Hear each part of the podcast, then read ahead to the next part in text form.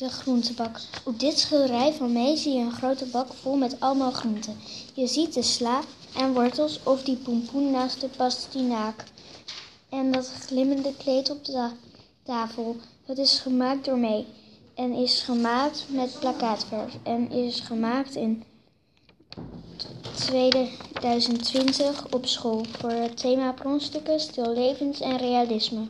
We werden ingedeeld in groepjes. Toen we mochten beginnen, ging ik meteen aan de slag. We begonnen met een kleine schets van, de, van het groente. Als je klaar was, mocht je het inkleuren. De dag daarna gingen we een grote schets maken en de ochtend daarna mochten we een grote schets met verf inkleuren.